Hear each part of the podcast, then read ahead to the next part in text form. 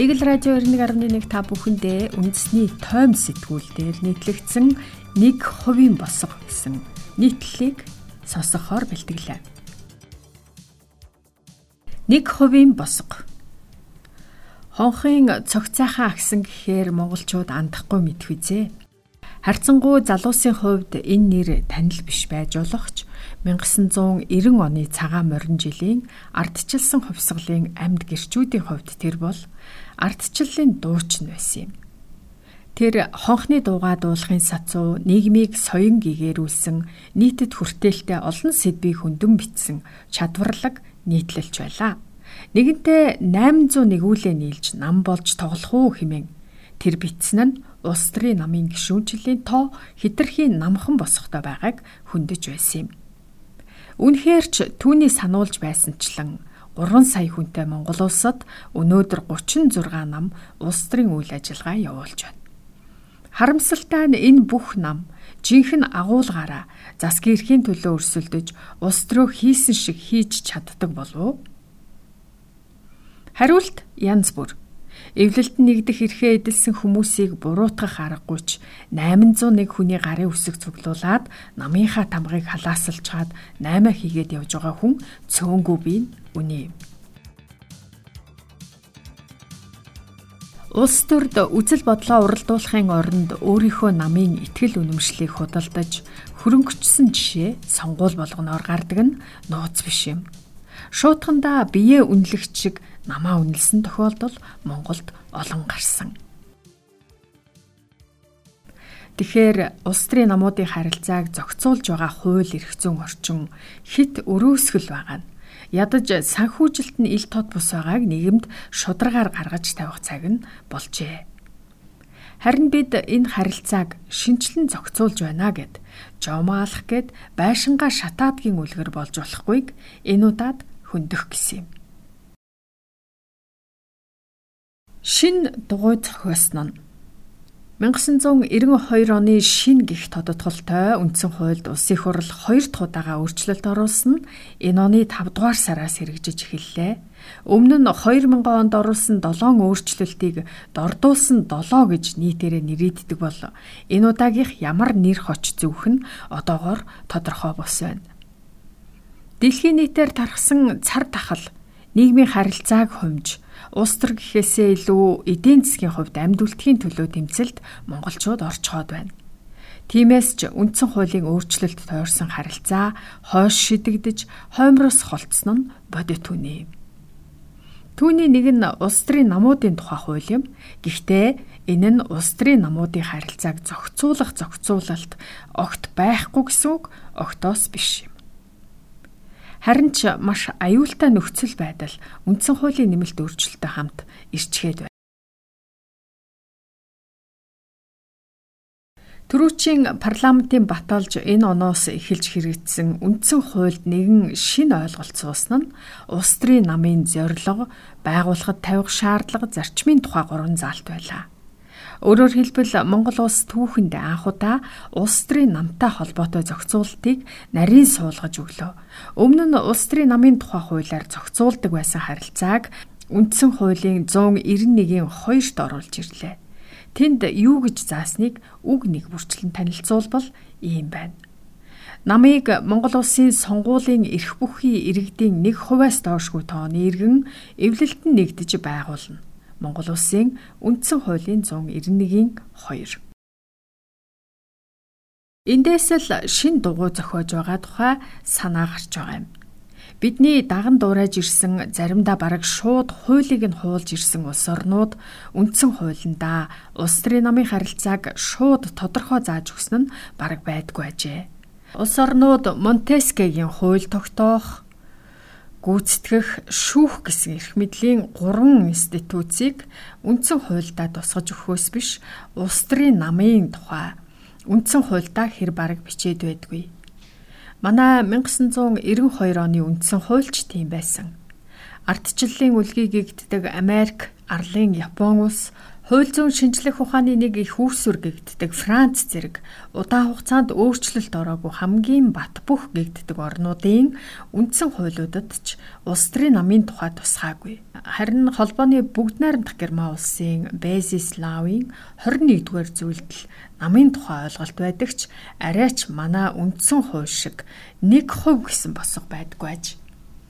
Нэг ёсондоо улс төрийн намын тухай хуулиар л зохицуулдаг байсан харилцааг үндсэн хууль гэх ерөнхий суур хуулиндаа оруулчихсан болох бараг л шин дугуй зохиов гэж ёжилсон хэрэг. Эрхээ эдлэх босго өндөрсөв. Юун ч эмзэг юм ердөө нэгхэн хувь штэ гэж та бодож байна уу? Тэгвэл үгүй юм аа.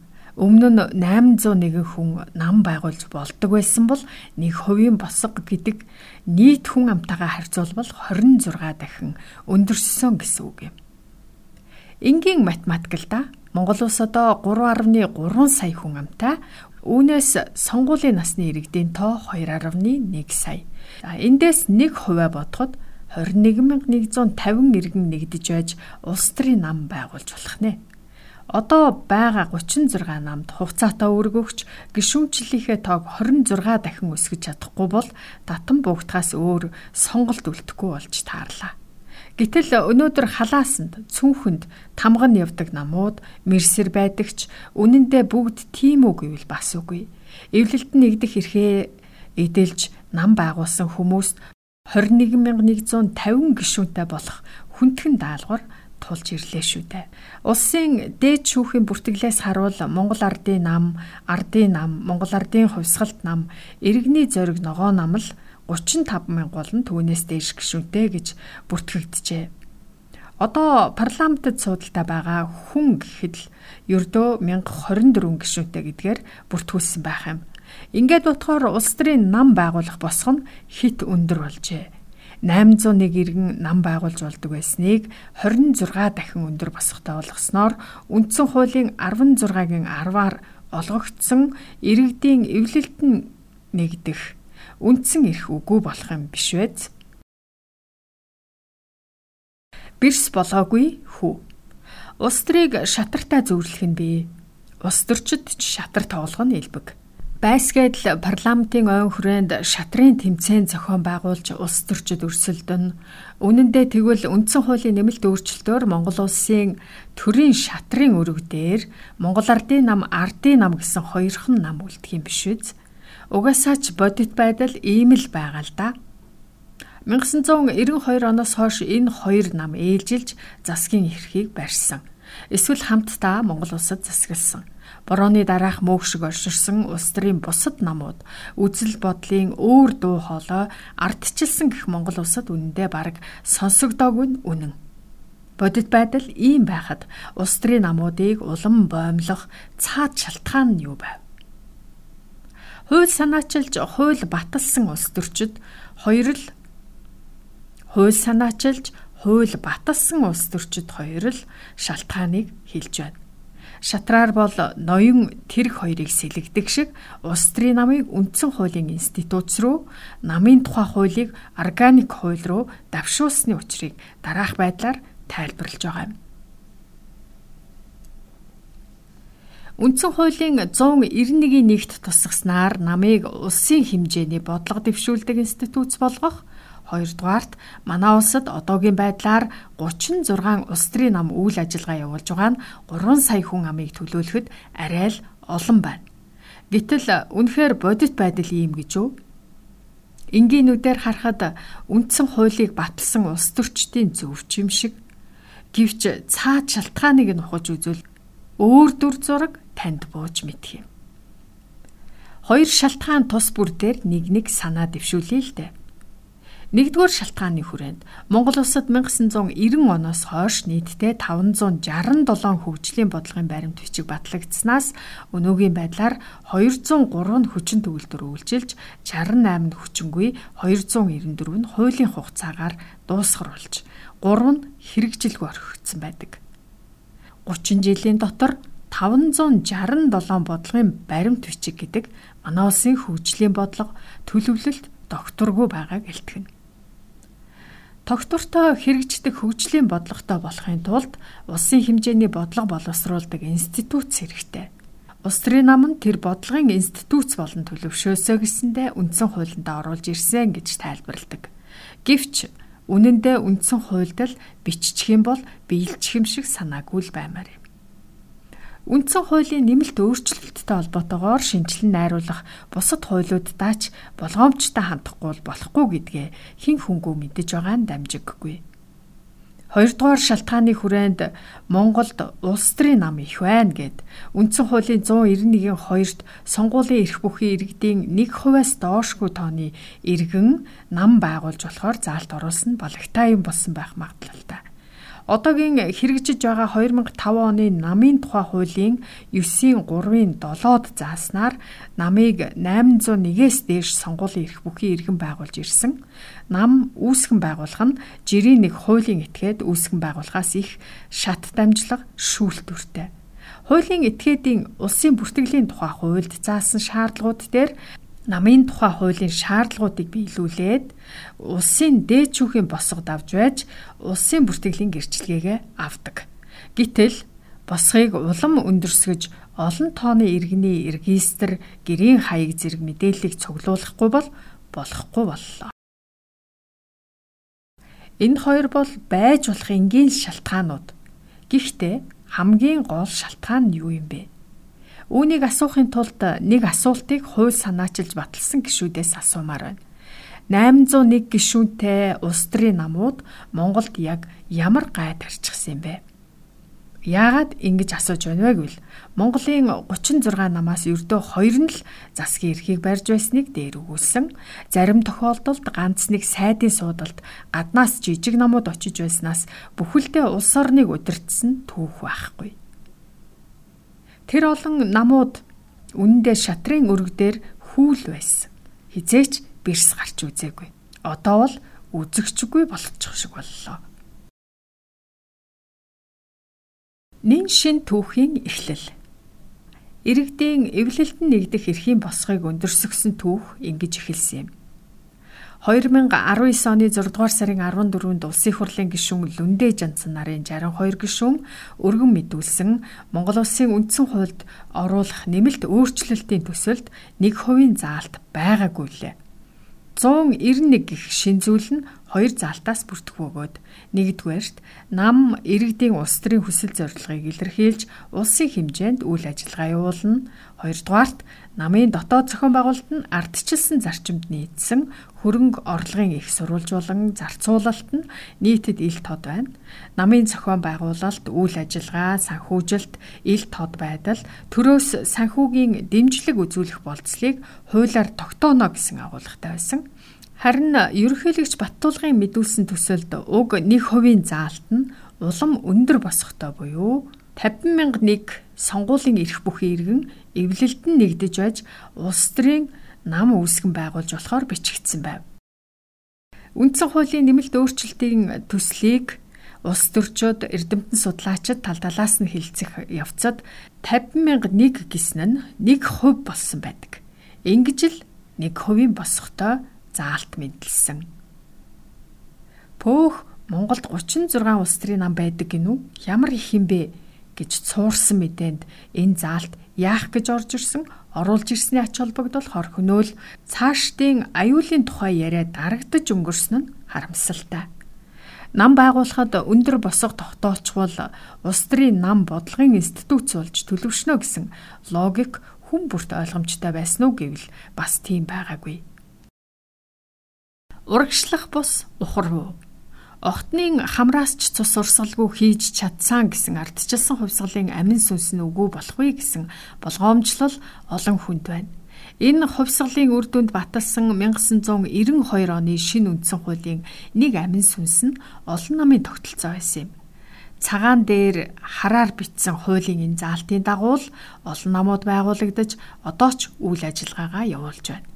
Гэвч бодит амьдрал дээр хоёр намл ээлжилж эрх мэдлийг гартаа хатгаж ирсэн бол үндсэн хуулийн нэмэлт өөрчлөлтөөр олон намын тогтолцоо улам хумигдах нөхцөл байдал үүслээ. Түүнчлэн Монгол Улсын үндсэн хуулийн нэмэлт өөрчлөлт оруулах асуудлаар анх дугаар зөвлөлдөх санал асуулга явагдаж нийт оролцогчдын 49.4% нь нийгмийн бүх харилцаанд хоёр намын нөлөө хийх байна гэж үзэж байна. Нөлөө ихтэй том намын гишүүн байх уу, үзэл баримтлал нэг боловч шинээр байгуулагдах намын гишүүн болох уу гэх хүндхэн сонголтын голд иргэний эвлэлтэн нэгдэх эрхийг аваачжээ. Мөн нэг иргэн нэг намын харьяалтай байх зарчимтай тул өөрийн намд хүн элсүүлж намаа улсын бүртгэлд бүртгүүлэхийн тулд иргэдэд улс төрийн нам амлалт өгдөг, мөнгө төлдөг механизм руу шилжихийч үгүйсэхгүй. Ингээд ирвэл үндсэн хуулийн 16-гийн 10 заасан сайн дураараа эвлэлтэн нэгдэх үндсэн эрх мөнгө албан тушаалтай баартарлагддаг болох магадлалтай. Улс төрийн намууд улсын хэмжээний бодлого дэвшүүлэх нь байтугай хэрхэн яаж гişүүн эсүүлэх тухай гişүүдээ алдахгүй тулд ямар шагнал урамшуулал явуулах тухай л боддог болчихвээ. Ингээд ботхоор үндсэн хуулийн 191-ийн 2 заалт улс төрийн намын босхийг өндөрсгөөгүй эвлэлтэн нэгдэх эрхийн босхийг өндөрсгчихжээ. Эрсдлээс тойрох сүүлчийн боломж. Үндсэн хууль гэж нийгмийн суур харилцааг зохицуулдаг хамгийн ерөнхий хууль. Байшингаар хэлбэл фундам гэж дунд сургуулийн сурагчч төвөггүйхэн хариулна. Харин үндсэн хуулиас бусад ихэнх хуулиудыг материаллык хууль гэж хууль зүйн шинжлэх ухаанд нэрийддэг. Намын тухай хуульч мөн адил наривчлсан зохицуулалт тусгаж болохоор материаллык хууль байлаа. Байлаа гэхийн учир нь одоохондоо хэрэгжиж байгаа 2005 оны намын тухай хууль нь саяны үндсэн хуулийн нэмэлт өөрчлөлтийн хүрээнд материаллык гих тодтголоосоо илүү органик хууль болон өөрчлөгдөх болохоор тэр юм. Органик хууль гэдэг нь үндсэн хууль тусгагдсан харилцааг наривчлан зохицуулсан хуулийг хэлдэг. Тэгэхээр манай улс энэ нэмэлт өөрчлөлтөөрөө улс төрийн намын тухай үндсэн хуульдаа оруулан намыг үндсэн хуулийн институт болгож байгаа тул намын тухай хуульч дагаад органик хууль гэх тодтголтой болохоор болж байна. Дээр дурдгдсан үндсэн хууль буюу суур хууль, материаллык хууль, органик хууль гэж ангилахдаа хуулийн зүйл заалтыг өөрчлөхөд амархан эсвэл хэцүү гэх чанарын тухай бас авч үздэг. Жишээлбэл 1992 оны үндсэн хуулиа өөрчлөх гэж уран улсын их хурл дамнан хилэлцэж төдгөлзүүлж байж сая нэг юм хүний олноороо өөрчилж авсныг харж байгаа бах. Тэгэхээр үндсэн хууль бол дуртай үедээ гар хүрээд байж чаддаггүй болдогчгүй нийгмийн зөвшөлтсөл шаардсан хууль байдаг. Органик хууль бол үндсэн хуулийн дараа орох өөрчлөлтөд хэцүү хууль юм. Харин материаллык хууль бол өөрчлөхөд хамгийн амар хууль гэж ойлгож болно. Гэтэл улс төрийн нам тойрсон маш олон эрсдэл дагуулж мэдэх өөрчлөлтийг тийм өөрчлөхөд хэцүү үндсэн хуулинд оруулчихсан нь байшингийн фундаментанд цонхны хүрээ хийгээд цутгахчихсантай л адил зүйл боллоо. Нэгэнт цутгахаа цутгахчихсан юм хойно цаашид шинжлэгдэн найруулах органик хуулиудаараа тэр цонхны хүрээг яаж орлуулахад л анхаарлаа хандуулцгаая да.